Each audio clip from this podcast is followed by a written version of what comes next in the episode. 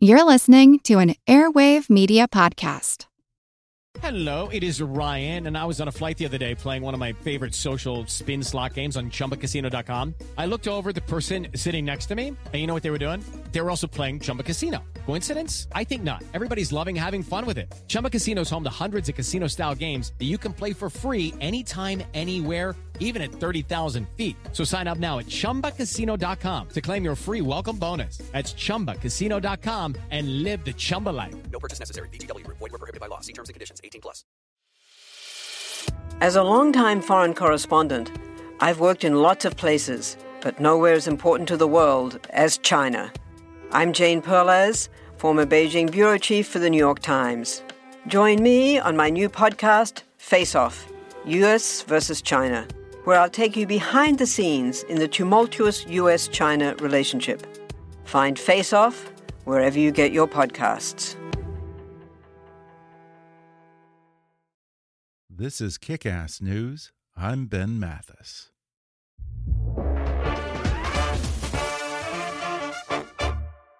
Hi, I'm Ben Mathis. Welcome to Kick Ass News. CBS Sunday morning correspondent and humorist Mo Rocca has always loved obituaries, reading about the memorable lives of global leaders, Hollywood heavyweights, and innovators who changed the world. But not every notable life has gotten the send off it deserves. That inspired him to create his hit podcast, Mobituaries, and now he's continuing his quest to right that wrong with his new book, Mobituaries Great Lives Worth Reliving. Today, I'm delighted to welcome Mo Rocca on the show to talk about where his love of obituaries comes from.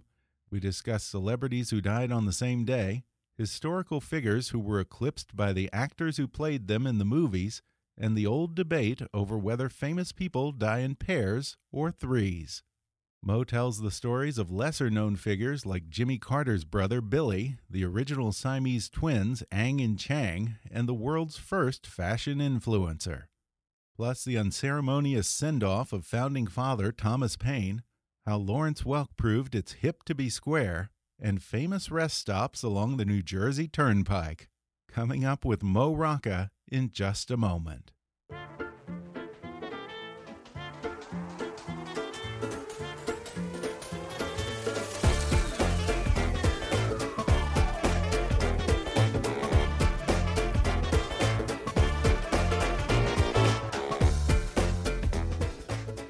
Mo Rocca is a correspondent for CBS Sunday Morning, host of the Henry Ford's Innovation Nation, host and creator of the cooking channels My Grandmother's Ravioli, as well as a frequent panelist on NPR's hit weekly quiz show Wait, Wait, Don't Tell Me.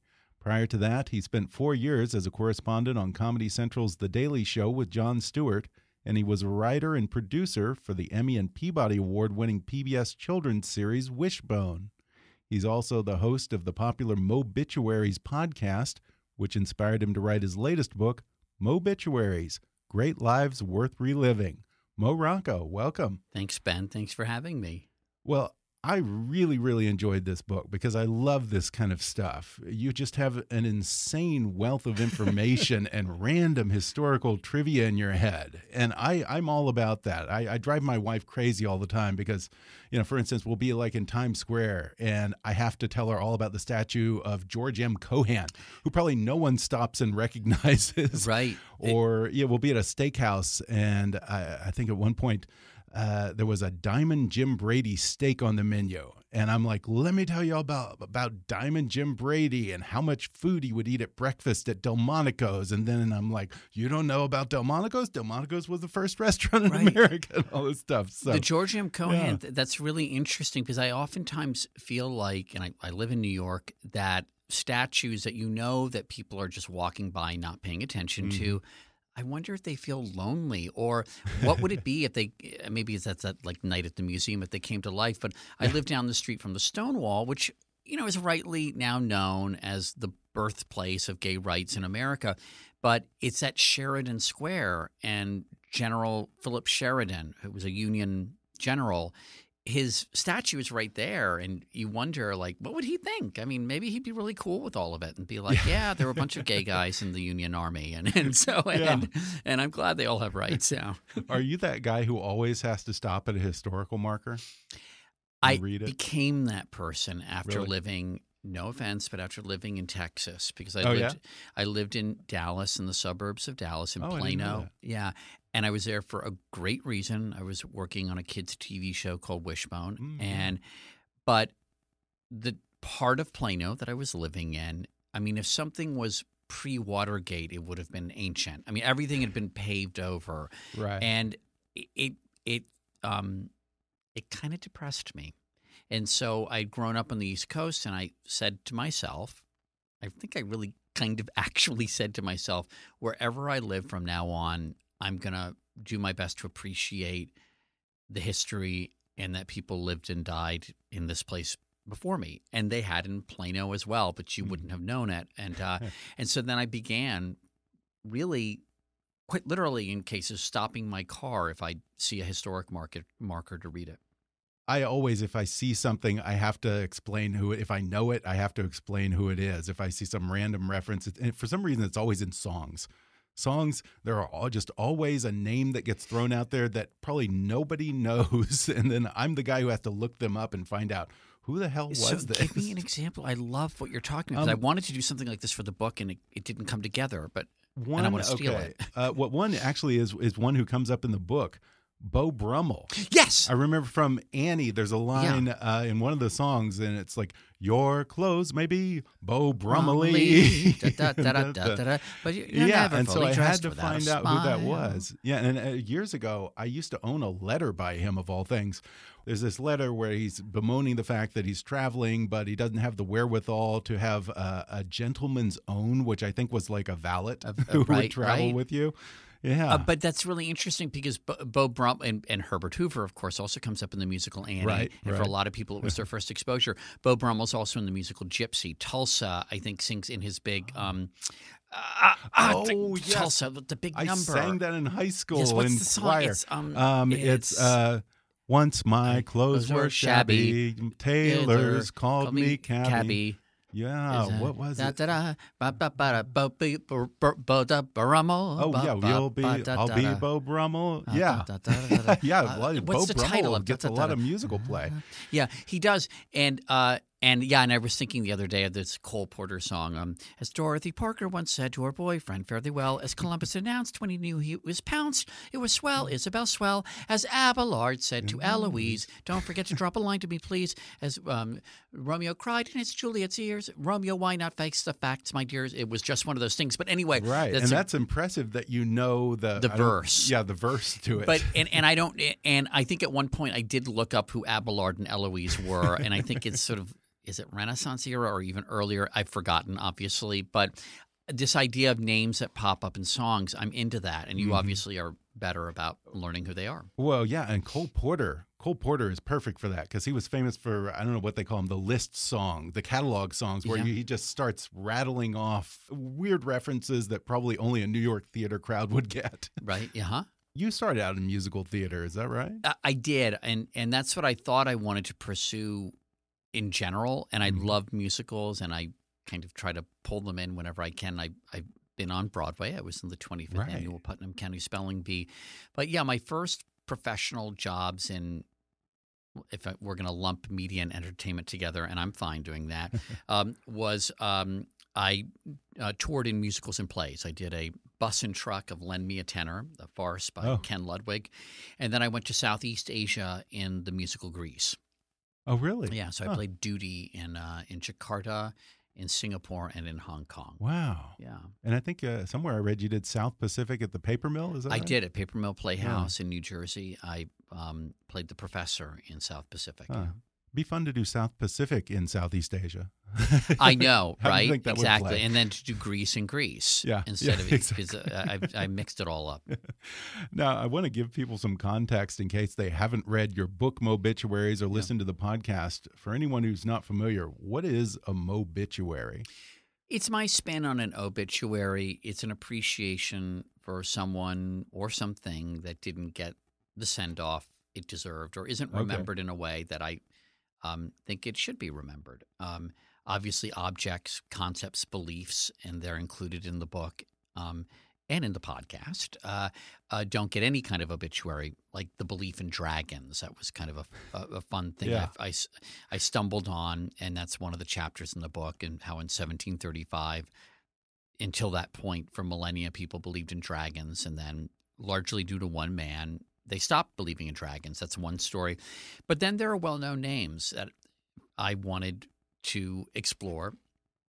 People like Marlene Dietrich or Lawrence Welk that I think aren't Yeah. aren't that are that are worth remembering. I mean, I think the sad fact is everyone will be forgotten pretty much, but I think there are lives that it would be nice to hold on to for a little bit longer, at least. And um, and also, I mean, honestly, it's a vehicle for me to write and talk about people that I'm interested in. Yeah. I, I think the chapter for Lawrence Welk was something like Death of a Square. Yeah, I kind of found him a very likable square. As squares go, Yeah. you can do a lot worse than Lawrence Welk because I watched them all in the reruns that they used to air on PBS of the Lawrence Welk show. and they still run. And, wonderful, wonderful, and- well, yeah, Or I- wonderful, wonderful. Yeah, wonderful, uh, wonderful, wonderful, wonderful, wonderful. Um, uh, he um, and and I and I meant that in a very laudatory way. Uh-huh. But he, uh, what I found, it's like that Huey Lewis song, "Hip to Be Square." But Mhm. he, to me, embodied the virtues that I think young people oftentimes like to think that they embody, of like doing it my way, saying, flouting the authorities. Well, Lawrence Welk actually did that. I mean, he had been on the road for decades uh, with his band. Um, early on, he developed the idea of champagne music, that genre, and uh, and he was close to 50 when he first got on TV. I think it was first KTLA and then ABC. And the network wanted him to have an edgy warm up comic. They wanted him to have Oh, big really? guest stars. They wanted all these things that he said no to because he knew who he was and he knew what his audience liked. And nothing else mattered professionally to him and artistically.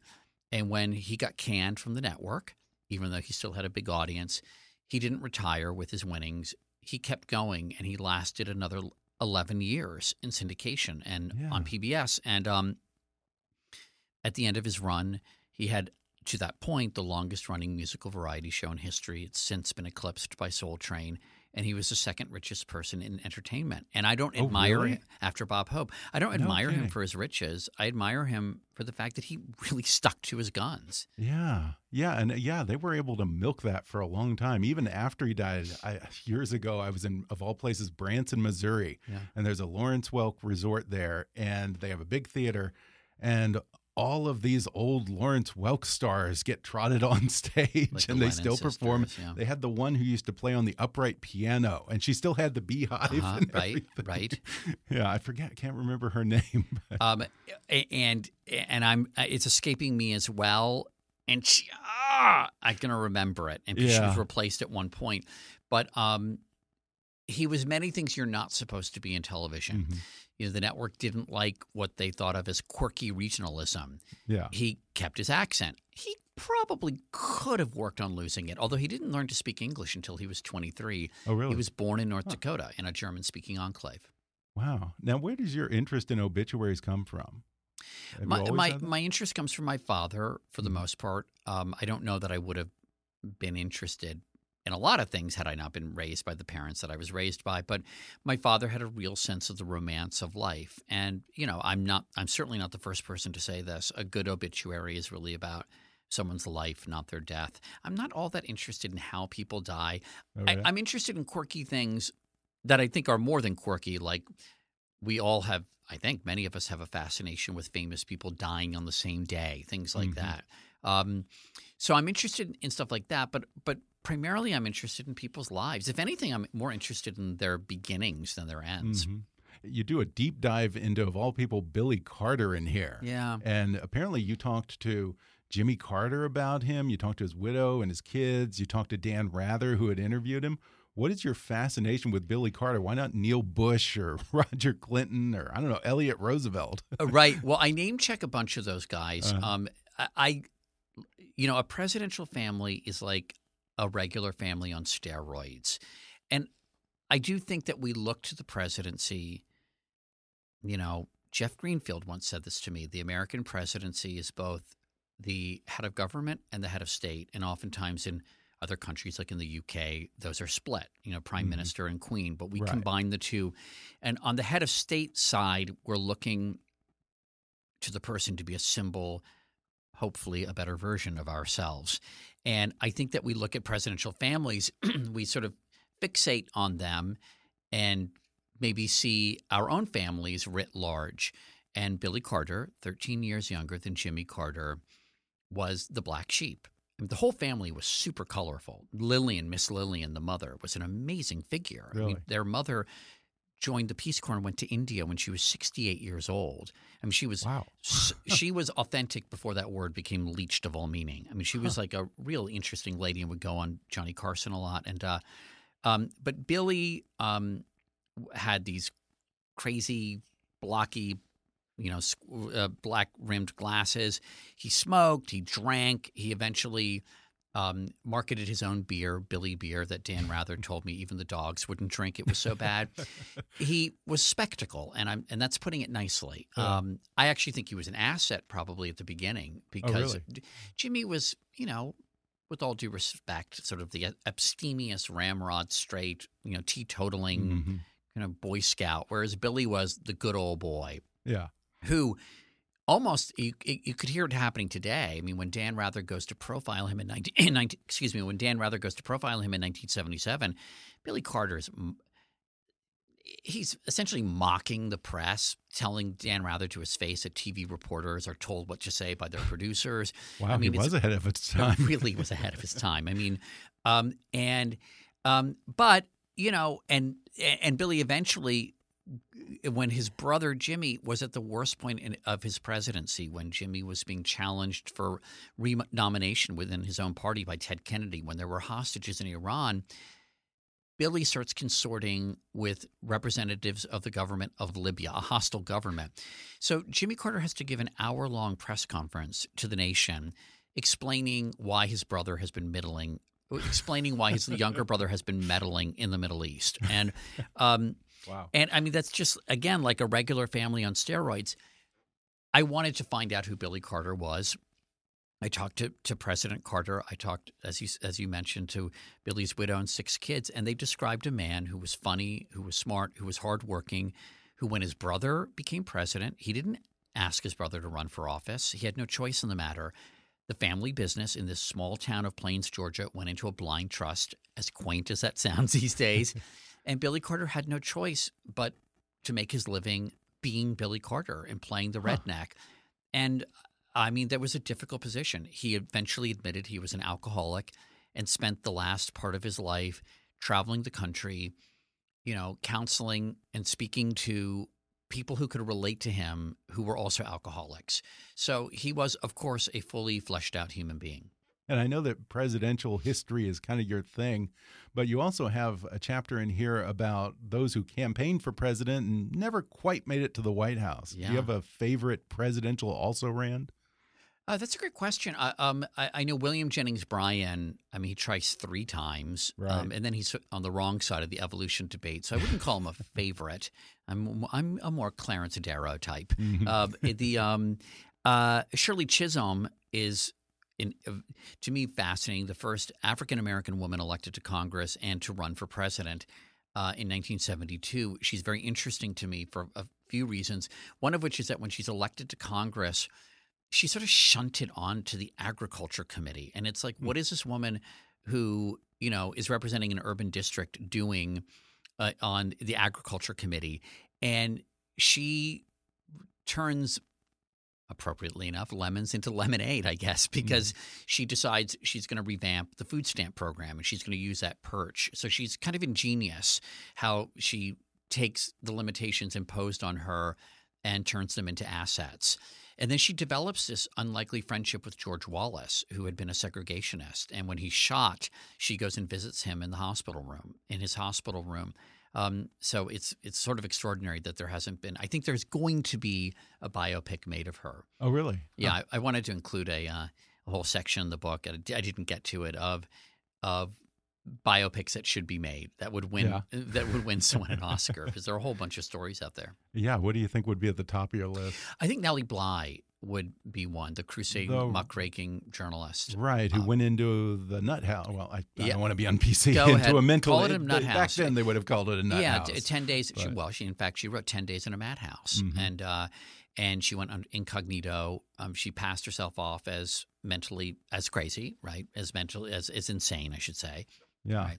She And- passed and herself too off- well in some ways. yeah, exactly. And uh, and then she, uh, I think, inspired by Jules Verne, she um, went around the world in fewer than eighty days. wow. Um, so she, you know, fascinating life. Yeah, Yeah, I think uh, I forget. It wasn't Hearst. Was it Pulitzer that was her publisher? it was Pulitzer. Yeah. Yeah, so P- Pulitzer had to intervene because she couldn't get out. She had done such a good crazy act. Right. That's apparently. right. That's right. That's right. So it's a great story. Yeah, that's wild. Now, I think one of the first people that you profile in here is, of all people, Thomas Paine, who is someone Yeah. that I don't really think of as being overlooked, but apparently at the time of his death, he had a pretty ignoble send off, right?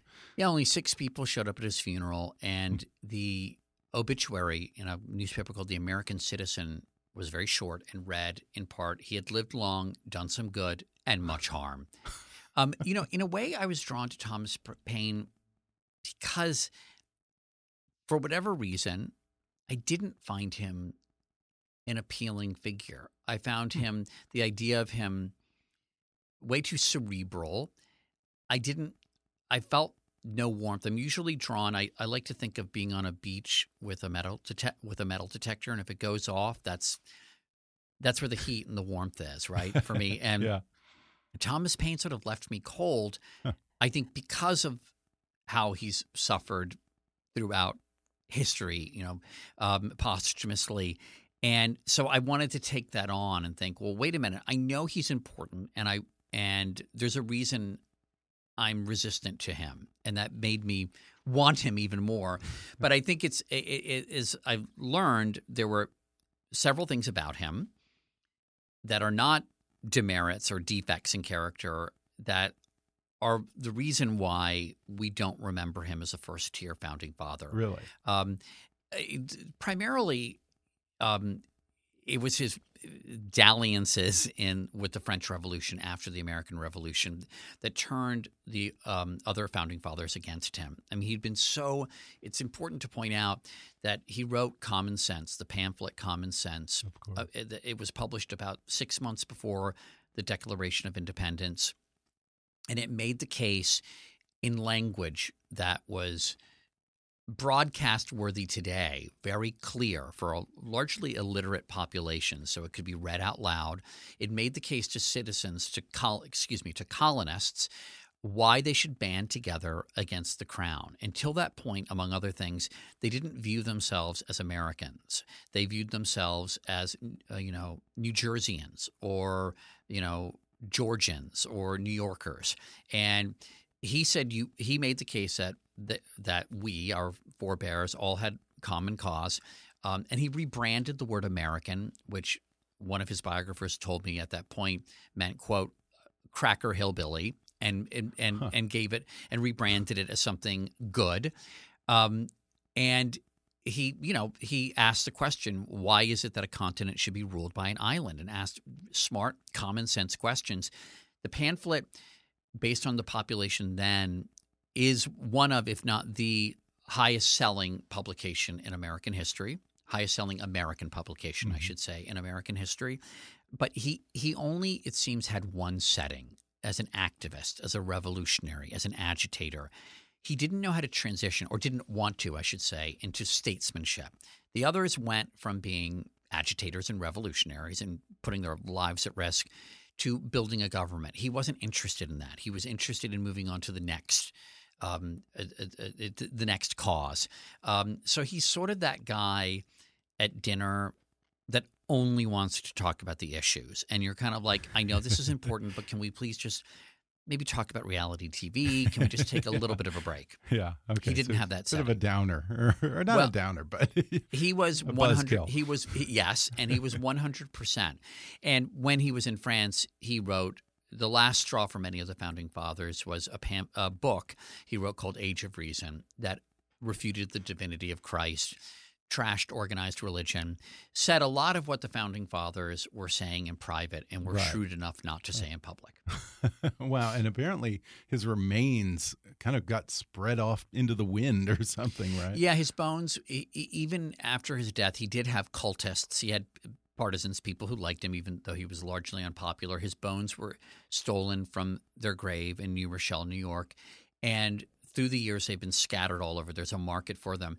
He has, you know, you can't call, he's not left or right in modern terms. Mhm. I mean, there are plenty of progressives, and then there's Glenn Beck on the right. I mean, that are equally ardent about their love of Thomas Paine.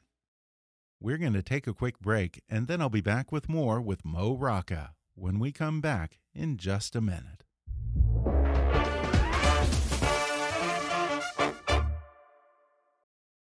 Nick Offerman and Megan Mullally have a brand new podcast on Earwolf. It's called In Bed with Nick and Megan. Your favorite celebrity couple is giving everyone a rare and candid look into their life and relationship. In this hilarious and intimate show, listeners will feel like they're in bed with Nick and Megan because that's exactly where every episode is recorded in their actual bedroom. In Bed with Nick and Megan features hilarious guests like Bill Hader, Lisa Kudrow, Retta, Nick Kroll, and so many more. In some episodes, they even turn the intimate discussion onto each other, leaving the crew in the room to wonder if maybe they should just go. In Bed with Nick and Megan is out now, so check it out on Apple Podcasts, Stitcher, or wherever you get your podcasts. Looking for some sparkle under the tree? Finding the perfect gift for everyone on your list can be a difficult task, but it doesn't have to be. Kendra Scott is here to help make your shopping this season as easy as possible with a great selection of gifts for everyone on your list. From a classic pendant necklace to an on trend statement earring or something customized, they've got pieces for every style and budget, including hundreds of styles under $100. Best of all, Kendra Scott offers free shipping, plus free gift wrapping and free returns just in case. Want some personal shopping advice? Visit your local Kendra Scott store and they'll help you find the right jewelry for you or your loved ones, or go to their website and take their perfect gift finder quiz. And our gift to you visit kendrascott.com and use promo code KICK or mention this ad in your local Kendra Scott store for 20% off your next purchase. Hurry, this is a limited time offer. That's 20% off at kendrascott.com using the promo code KICK. On average, over 27,000 Americans are diagnosed with breast cancer every month. Invitae believes that's 27,000 too many. That's why they're helping more people take control of their health through medical quality genetic testing. Whether that means continuing your current health routine or starting mammograms earlier, your results can give you confidence that you're taking the right steps for you. Learn more and order your kit today at invitae.com. That's I N V I T A E dot com. And now, back to the show. You give a whole chapter here, too, of all people, Ang and Chang. A little more obscure, but I knew they they were pretty much the original Siamese twins, right? Well, they're, they're the conjoined twins for whom Siamese twins, that moniker was Right. was established. They came Because from they were Siamese. yeah, they came from exactly. They came from Siam, what is now Thailand, and they were um, two of the first entertainers in America. They were two of the very first Asians in America, well predating um, the Chinese that would come here to build the railroad. Um, Wow. And um, their lives are their I call them really a, an it's death of an American story. Um, they're immigrants. They, against all odds, pull themselves up by their bootstraps, win their freedom. They come over essentially as indentured servants. They become, as I said, two of the first entertainers. So it's a very American story. They marry. They they marry sisters Yeah. who are not conjoined, but they married sisters. They have Eng and his wife have eleven children. Chang and his wife have ten. Wow. How do And- you have carnal relations with when you're a conjoined twin? Yeah, they they had something called um they developed what the author Yunte Huang told me was a system called alternate mastery. And so they had each had their own home and they would spend three days and three nights at one home, and they'd switch to the other. So when they were in, let's say they were in Eng's home, Chang would be there with Eng and his wife, and Chang would go into what I call like a computer sleep mode. So he would just sort of surrender all willpower um, so that his brother could be the man of the house and and have relations with his wife. And then the reverse would happen at Chang's house, where Eng would go into this sort of sleep mode. And it is fascinating. And the two questions everybody has about them is how did they die and how did they reproduce? Um, but on the score, on the on the subject of their re, uh, having sex, um, you know, I actually think it's pretty moving that one brother would do that for the other. Mhm. I mean, um, and it and the way that they negotiated the world physically, because the band of flesh that connected their respective sternums um, was about, I think, five and a half inches long, which it had stretched over the course of their lives, but it was still pretty short. But they'd have to have one arm over the other's shoulder. So imagine like two friends coming home from a late night out drinking, just kind Yeah. of, you know, Huh. coming home. So it's it's a moving story, but what makes the story to me even more compelling or worth telling is that um, after marrying and having children, they become slave owners, which is the part of the story that they have a farm in North Carolina, obviously pre Civil War, and That was probably the immigrant dream, though. You know, for, a them, southern for- they, they the were South. they were as Yunte Huang told me they became honorary whites and southern gentlemen Huh. and you know it's it's a part of the story that is obviously difficult for a lot of people today um but I do think in a way it's they kind of represent America the good and the bad Mhm. all of it and it's Yeah. kind of amazing how all so much of it is packed into one story Yeah, and P.T. Barnum put him on the map. Is that right? They, Or- or well, he, didn't put there them on was the map. a Barnum they, connection. They predated P.T. Barnum in the first stage of their career. Then, by the time they had retired from showbiz, P.T. Barnum had become a big deal, and the Freak Show had become a big Mhm. deal. And then all of their money, Chang and Eng, all their money was in Confederate war bonds, and so they were financially devastated by the Civil War. And they had to, at an advanced age, go back on the road. They were bitter about this. And at, by that point, they had to work with P.T. Barnum, and they hated him. really? Yeah, and it was a great humiliation. Chang finally suffered a stroke, and for the last couple of years of their lives, Eng had to quite literally drag him around. Wow. Now, you also have a section in here on, of all things, uh, the various people in history for whom rest stops on the New Jersey Turnpike have been named. Yeah. uh, first of all, how many are there? There are twelve. I think I have that right, but I there are twelve. There are twelve. You might want to check me on that, but I believe there are twelve. Um, you know, New Jersey. I did a piece for CBS Sunday Morning on New Jersey, and New Jersey. It, I did it during the um, Snooki. What was it? Jersey Shore. oh, right. That show. Yeah, Jersey Shore. that, that- I sound so old. You know, the Snooki show, and uh, and um, you know, a lot of people only experience New Jersey on that turnpike. They're just driving through, and Mhm. Benjamin Franklin had called New Jersey a barrel being tapped at both ends because it basically grew food for people in Philadelphia and New York City, and then the people in those cities dumped their trash in New Jersey. So New Jersey has never really gotten the credit and love it deserves. Yeah, and you know when people, sure. d- and so those rest stops, I thought they called them quite in an un-New Jersey way, service stations. No one in New Jersey calls them service stations; they're rest stops. Yeah. But I wanted to find out who those people were. And in one case, you know, James Fenimore Cooper has a stop. He wrote The Last of the Mohicans. But then John Fenwick, who I didn't know until I did this, um, he uh, was established the first Quaker colony in the Americas. And I thought, John Fenwick and James Fenimore Cooper are way too similar sounding. And I'm imagining a Twitter hookup. Uh, excuse me, I'm imagining a Tinder hookup and a budding romance, and saying, you know, meet me at the James Fenimore Cooper rest stop, Right. and one person accidentally going to John Fenwick and wait, waiting basically at the wrong Auntie Anne's, and um, and so I I propose in the book. Uh, replacing John Fenwick with Meryl Streep, who is a great Oh, New from New. Jersey. Yeah, so there are other yeah. people. Yeah. What about the boss? Is there- Springsteen doesn't does he have get one. a turn? Yeah, he doesn't get a rest stop. I, I you know, I, I I I love Springsteen and and I love Howard Stern, who campaigned for a, a, stop at one point. Oh, really? Yeah, um, Woodrow Wilson who is one of those characters who really is unlikable, and you know, and and not just because he segregated the federal government. It had not been it had been integrated until he came along, the first Southern Democrat to take office since the Civil War.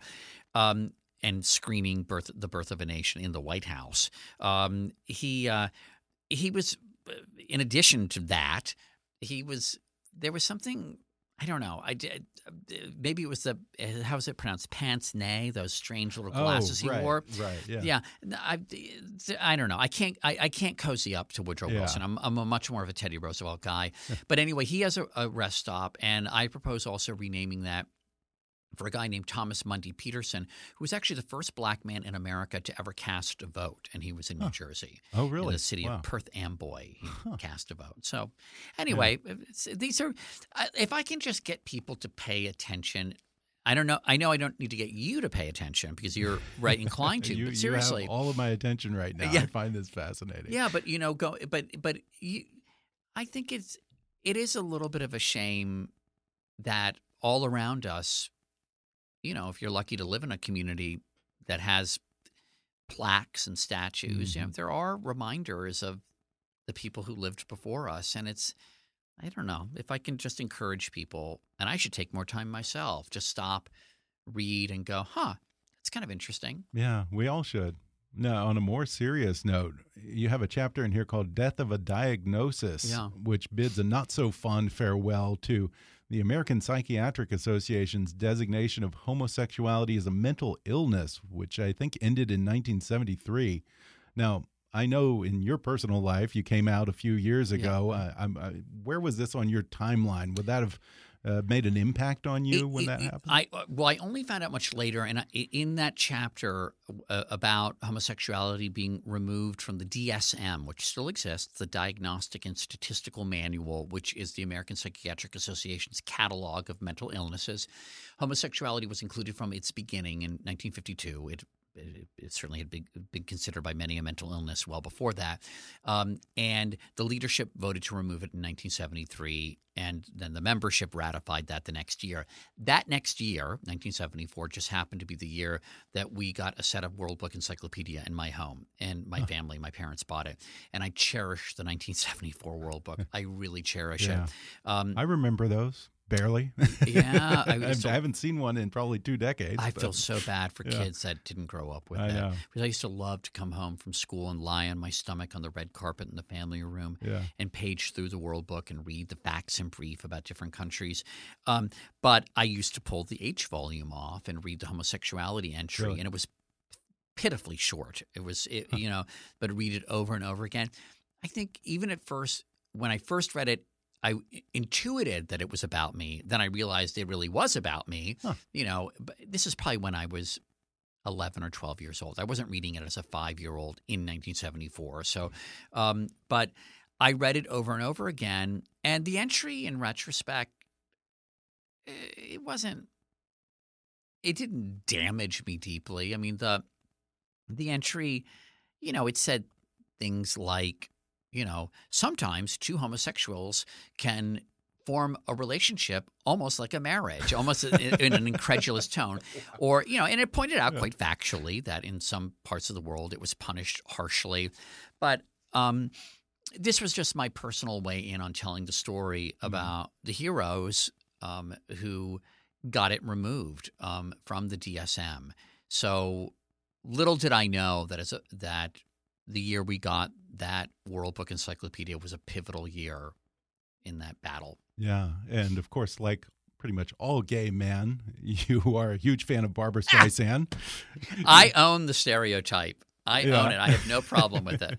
And I and I and, and I worry about younger gay men who aren't huge Barbra Streisand fans. Oh, yeah? yeah. I mean, I don't know who they're fans of, but that's you yeah, have. who would you be a fan? I of? guess you'd be a fan, probably Lady, Lady Gaga, and then yeah. and on from there. Maybe oh, the, who's the woman? The Ariana Grande. She's great, and she's Okay. and, and and she's really talented. And so I think But she's not into the camp of it and the costumes like Lady Gaga is. So I can't, right. I can't quite not. picture her. And and you know, look, I think I, I, as cliched as it sounds, I'm I'm a crazy huge Barbra Streisand fan. I got to meet her once. Um, And unfortunately, the one thing she asked me is, "What should we do about climate change?" And I mean, and I was a real dud. I couldn't give her a, a really Yeah. great answer. I mean, who has a great answer on this? Right. Um, but it still was it worth. It was still th- worth the excitement of meeting her. Um, and I had interviewed Arthur Laurents years ago. Arthur Laurents wrote, the book. uh, Funny Girl, right? he didn't write funny. He wrote Oh, the book for sorry. Gypsy and West Side Story, and he wrote The Oh, Way right, We right. Were. Oh, the way we were, right? Yeah, right. and okay. and he also happened to direct her in her off Broadway debut and I Can Get It For You Wholesale, and it's kind of a legendary audition Mhm. story where she came in and she started singing, and um, and she was sort of smacking gum when she walked in, and then she took the gum out of her mouth and put it underneath a stool, like to show real chutzpah, and then she started singing, and everybody melted, and they kept her there for hours while she just kept singing, and then she was in the show playing Miss Marmelstein, and then that led to Funny Girl.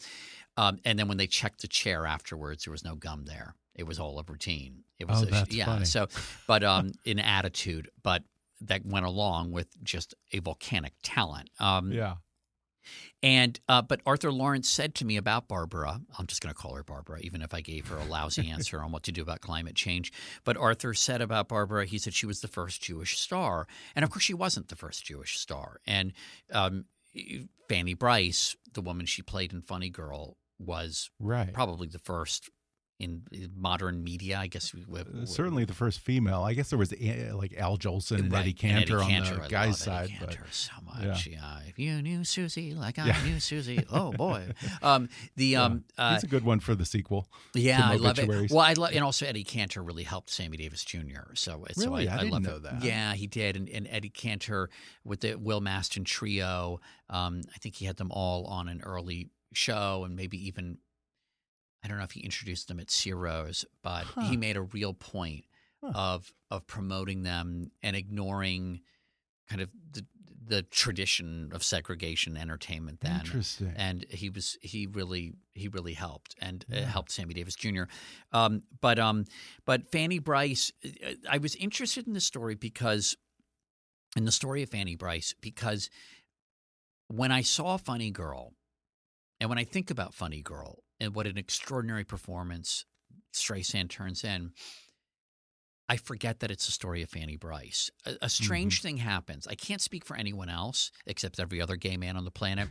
but when you watch Funny Girl, you you you you begin to believe that you're watching the story of the rise of Barbra Streisand. Mhm. So it's something happens, and that's not because she's not committing to the character. It's just because the performance is so extraordinary, and because it was a debut, a film debut, so it eclipses Fanny Brice to such a degree that Fanny Brice sort of gets lost. Uh, it's still definitely an Oscar-worthy performance, um, but you know, look, you watch the movie Patton. George C. Scott is great. Right. we talk same about- thing, right? Yeah. Well, except that you don't forget you're watching the story of General Patton. Now, if I Okay, talk about true. yeah, if I talk about General Patton now, you're going to picture George C. Scott. If I Mm, talk about right. T. E. Lawrence, you're going to picture Peter O'Toole, Mm. and those performances are great. But you're never not aware of whose story you're watching. Okay. With Funny Girl, a strange thing happens, and you think you're watching. A friend of mine pointed out that something similar happens with Mommy Dearest, and I actually think he's right. Yeah. That you forget that it's a story of Joan Crawford. You think it's the story of Faye Dunaway, Mhm. and and that is also a great that. performance. But but with Funny Girl, it's it's um clearly I was very in, and invested in this idea, but um but I wanted to tell the story of Fanny Brice and Fanny Brice, and I like this sort of biblical.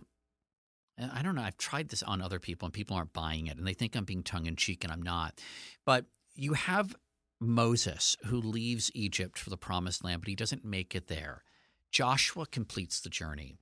And I think history is filled with what I call forgotten forerunners, people who sort of begin a journey, um, and then it's then it's picked up by somebody else. Um, Moses Fleetwood Walker is the first black man to play what passes for Major League Baseball in uh, in the 1880s in Toledo. The Toledo Blue Stockings, the team he plays for, um, gets elevated to the American Association. That's the MLB of its time. That's what inspires the color line to be drawn in the first place. And then Jackie Robinson comes along 63 years later and he breaks it. But somebody pointed out to me, they said, "There's you can't break a color line unless one is drawn in the first place." And there, history is filled with these little pockets of progress and these forerunners that have been forgotten. And in a certain way, Barbra sort of completes the journey that Fanny Brice begins. Fanny Brice becomes a Ziegfeld Folly, which is the SNL, the Saturday Night Live of its time. Right. She makes a virtue of her unusual looks. She's not a beauty. Let's just be blunt here. I'm not going to be PC about it. She's not pretty, and so, and but she's funny. And the dance of the seven veils at the time is this unspeakably scandalous um, dance that that's that's um, debuts along with Richard Strauss's Salome opera. Um, she has a young Irving Berlin, Israel Beilin is his name at that point. He writes a song, Sadie Salome Go Home, where she makes fun of herself for being a gawky woman trying to do this mm-hmm. sexy dance. So Fanny Right. Brice becomes this great comedic star, and she's suddenly performing alongside W.C. Fields, and and, and I think Eddie Cantor Yeah. may be may be part of it, I, maybe, but it, definitely W.C. Fields. Yeah, yeah, and it's interesting that she became, you know, a famous star in the Ziegfeld Follies because she was kind of the anti-Ziegfeld girl. Glorifying the American girl was like the motto of the Yeah. Ziegfeld Follies, and they would all have, have these great beauties in next to nothing or nothing sometimes. Yeah, absolutely. And and and that's what's so canny and kind of marvelous about Fanny Brice that she makes a virtue of her unlikeliness. Mm-hmm. But she can never be a leading woman. And and it's not just because of the time she lived in. I don't want to be pat about this and saying, well, you know, Barbra was lucky to be born at a different time. Barbra's more talented. Fanny Brice was funny, but you know, ask Alexa to to play My Man by Fanny Brice, and it's you know maybe for the time I know it was a big deal, but it, there's no comparison. You know, Yeah, yeah, but she was she was talented. Every now and then I'll I'll find an old recording that I enjoy. Uh, what was it? There was another Irving Berlin song that I think she did that was something like, uh, "He's not so good in the sun," but uh, so, uh, all about how in an easy chair this guy would. Yeah, surprised, you'd be surprised. And you know who you should listen to sing that is Madeline Kahn sings it at, Oh, does she? on YouTube. And Madeline, Oh, I think Madeline Kahn. I think I have seen that. I, wasn't that like at Ir- Irving Berlin's hundredth birthday or something on CBS? Yeah, and she's so Yeah. she's and and she's So, yeah, just she's great. Wonderful. Well, the whole thing, that whole eclipsing thing, you know, Mm-hmm. Marlene Dietrich sings Boys in the Back Room and Destry Rides Again. But when Madeline Kahn parodies it as I'm Tired and Blazing Saddles, the thing that's so great about Madeline Kahn is she could have been probably a light opera singer. I mean, she's Mhm. she chose to train her virtuosity on comedy. But, you know, I don't like when people do comedic songs but can't sing. And Madeline Kahn was a legitimately great Yeah. singer. And every moment of I'm Tired and Blazing Saddles, every moment counts. Yeah. And she does eclipse Marlene Dietrich there. Yeah, she's so flawless in that. Now, I I have to ask you something that I always argue with people about. Do celebrities die in pairs or in threes? I say threes, but a lot of people say pairs. Well, they they die in threes, but it's rare that you have three die on the same day. Now, Billy hmm. Wilder, Dudley Moore, and Milton Berle died on the same day, and hmm. interestingly enough, they never two. None of them ever worked together, not even as a pair. Yeah. So they never crossed crossed paths, even though in different way. Although I knew Milton Berle from the Friars Club, and he used to claim that the closing line in Some Like It Hot came from him, that he gave Billy Wilder that line. You So I just came up with a connection. Wow, thank you. Because what was it? He, uh, when Jack Jack Lemmon reveals that he's a that he's Yes, a man, he says, "I'm a man," and the other guy says, "Well, nobody's perfect." Nobody's perfect. Nobody's perfect. Um, uh, that's great. He It- claimed that he was responsible for that line. Well, uh, I hope we go into a second printing, and um, you're definitely getting an acknowledgement for that. Um, eh, the uh, um, and then um, you know John F. Kennedy dies on the same day, is killed on the day that Aldous Huxley and C.S. Lewis die, and I've and it's very hard to, to find this out. It's hard to verify this, but. I do wonder how long it took for most people to realize that those other two men had died.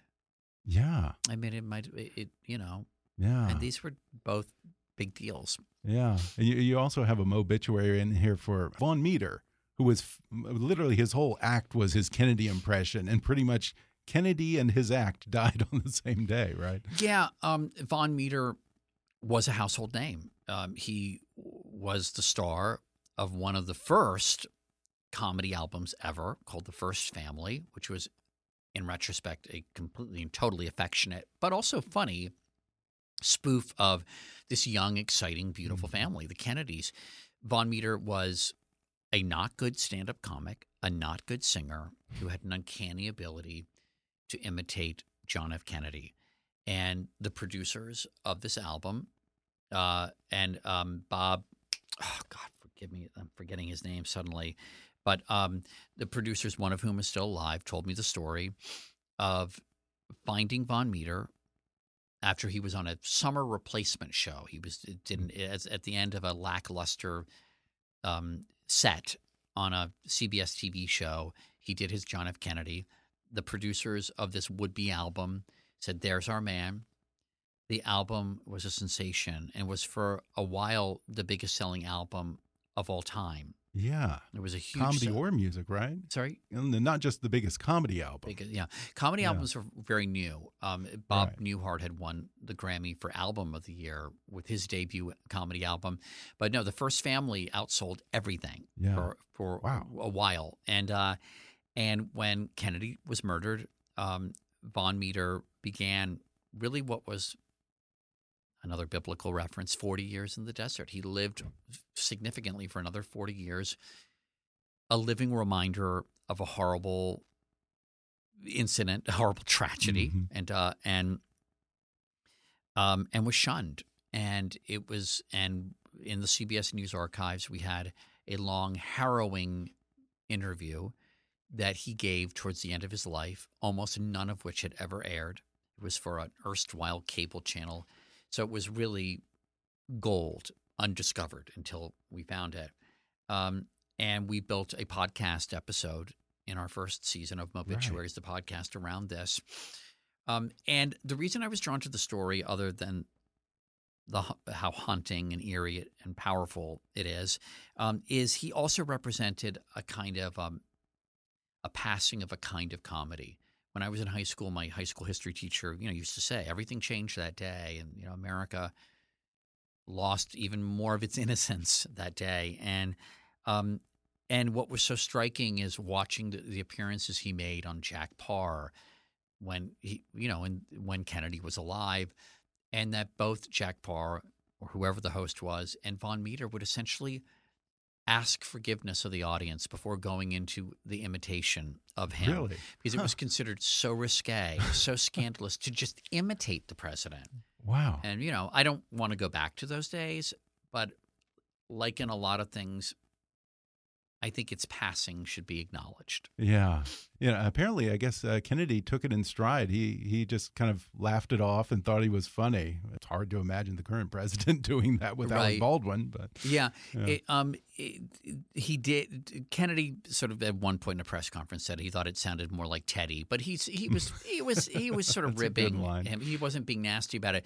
Um, Jackie, Mrs. Kennedy, did not like it. Oh, really? She, Huh. The fact that there were actors that they had totally innocently playing John, John, and Caroline. I mean, nothing Mhm. nothing untoward about it at all. I mean, so innocent, and but it was a different time. So she thought the idea even of the children being represented, even with cute little lines, very few in the comedy album, was beyond the pale. Interesting.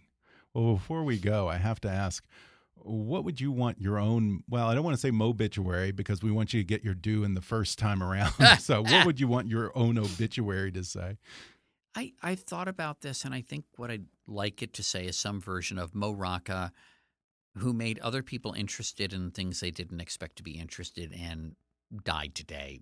Hmm. He was 135, something like that. I, I uh, you know, I, I've never known really when people say, "What are you?" and you know, I, I, I take that question positively. I hope it's meant Yeah. positive. You do a lot of things, though. Yeah, I mean, but I- CBS Sunday Morning, Right. cooking show, all these things you have. Your, uh, you what is you host the National Geographic Bee, yeah, on is really- Broadway, right?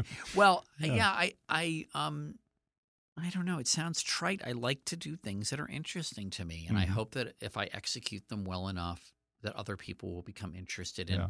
them. So I don't know what that makes me, but um, but um, this is a good time for me. I'm having Yeah. a great. I'm I'm I'm very happy to have the opportunity to um, after many years, as he takes a drag on his cigarette in this business, um, to kind of to to pursue the subjects, the topics that are interesting, Mhm. whether they're happy or sad or or best of all, a mix of the two. Yeah. Uh, Since you brought it up, then uh, I have to ask: Do you, do you still have a bucket list gig or something that you're just dying to do eventually? I'd like to go back on Broadway. Mhm. I'd like I like live performance. I've liked talking about the book in front of crowds. Yeah. Um, so I would like to do that. I I like performing, and I consider everything that I do performative. Um, I know that some journalists kind of sh- look askance at that. They don't. They think uh, you know it's not acting what we're doing, and I'm not saying it is. And I think, but I do think when I interview people for CBS Sunday Morning, it is performative in that, and and any good performance is truthful. So it's not make believe, but you're engaging with another person, and if you're doing it right, then the audience will um, will find it compelling. Mhm. It's it's right, and it's um, it's a scene. Once again, the book is called Mobituaries Great Lives Worth Living, and folks can also subscribe to your podcast, Mobituaries. Mo Rocca, thanks for talking with me. Ben, thank you very much. This has been really nice.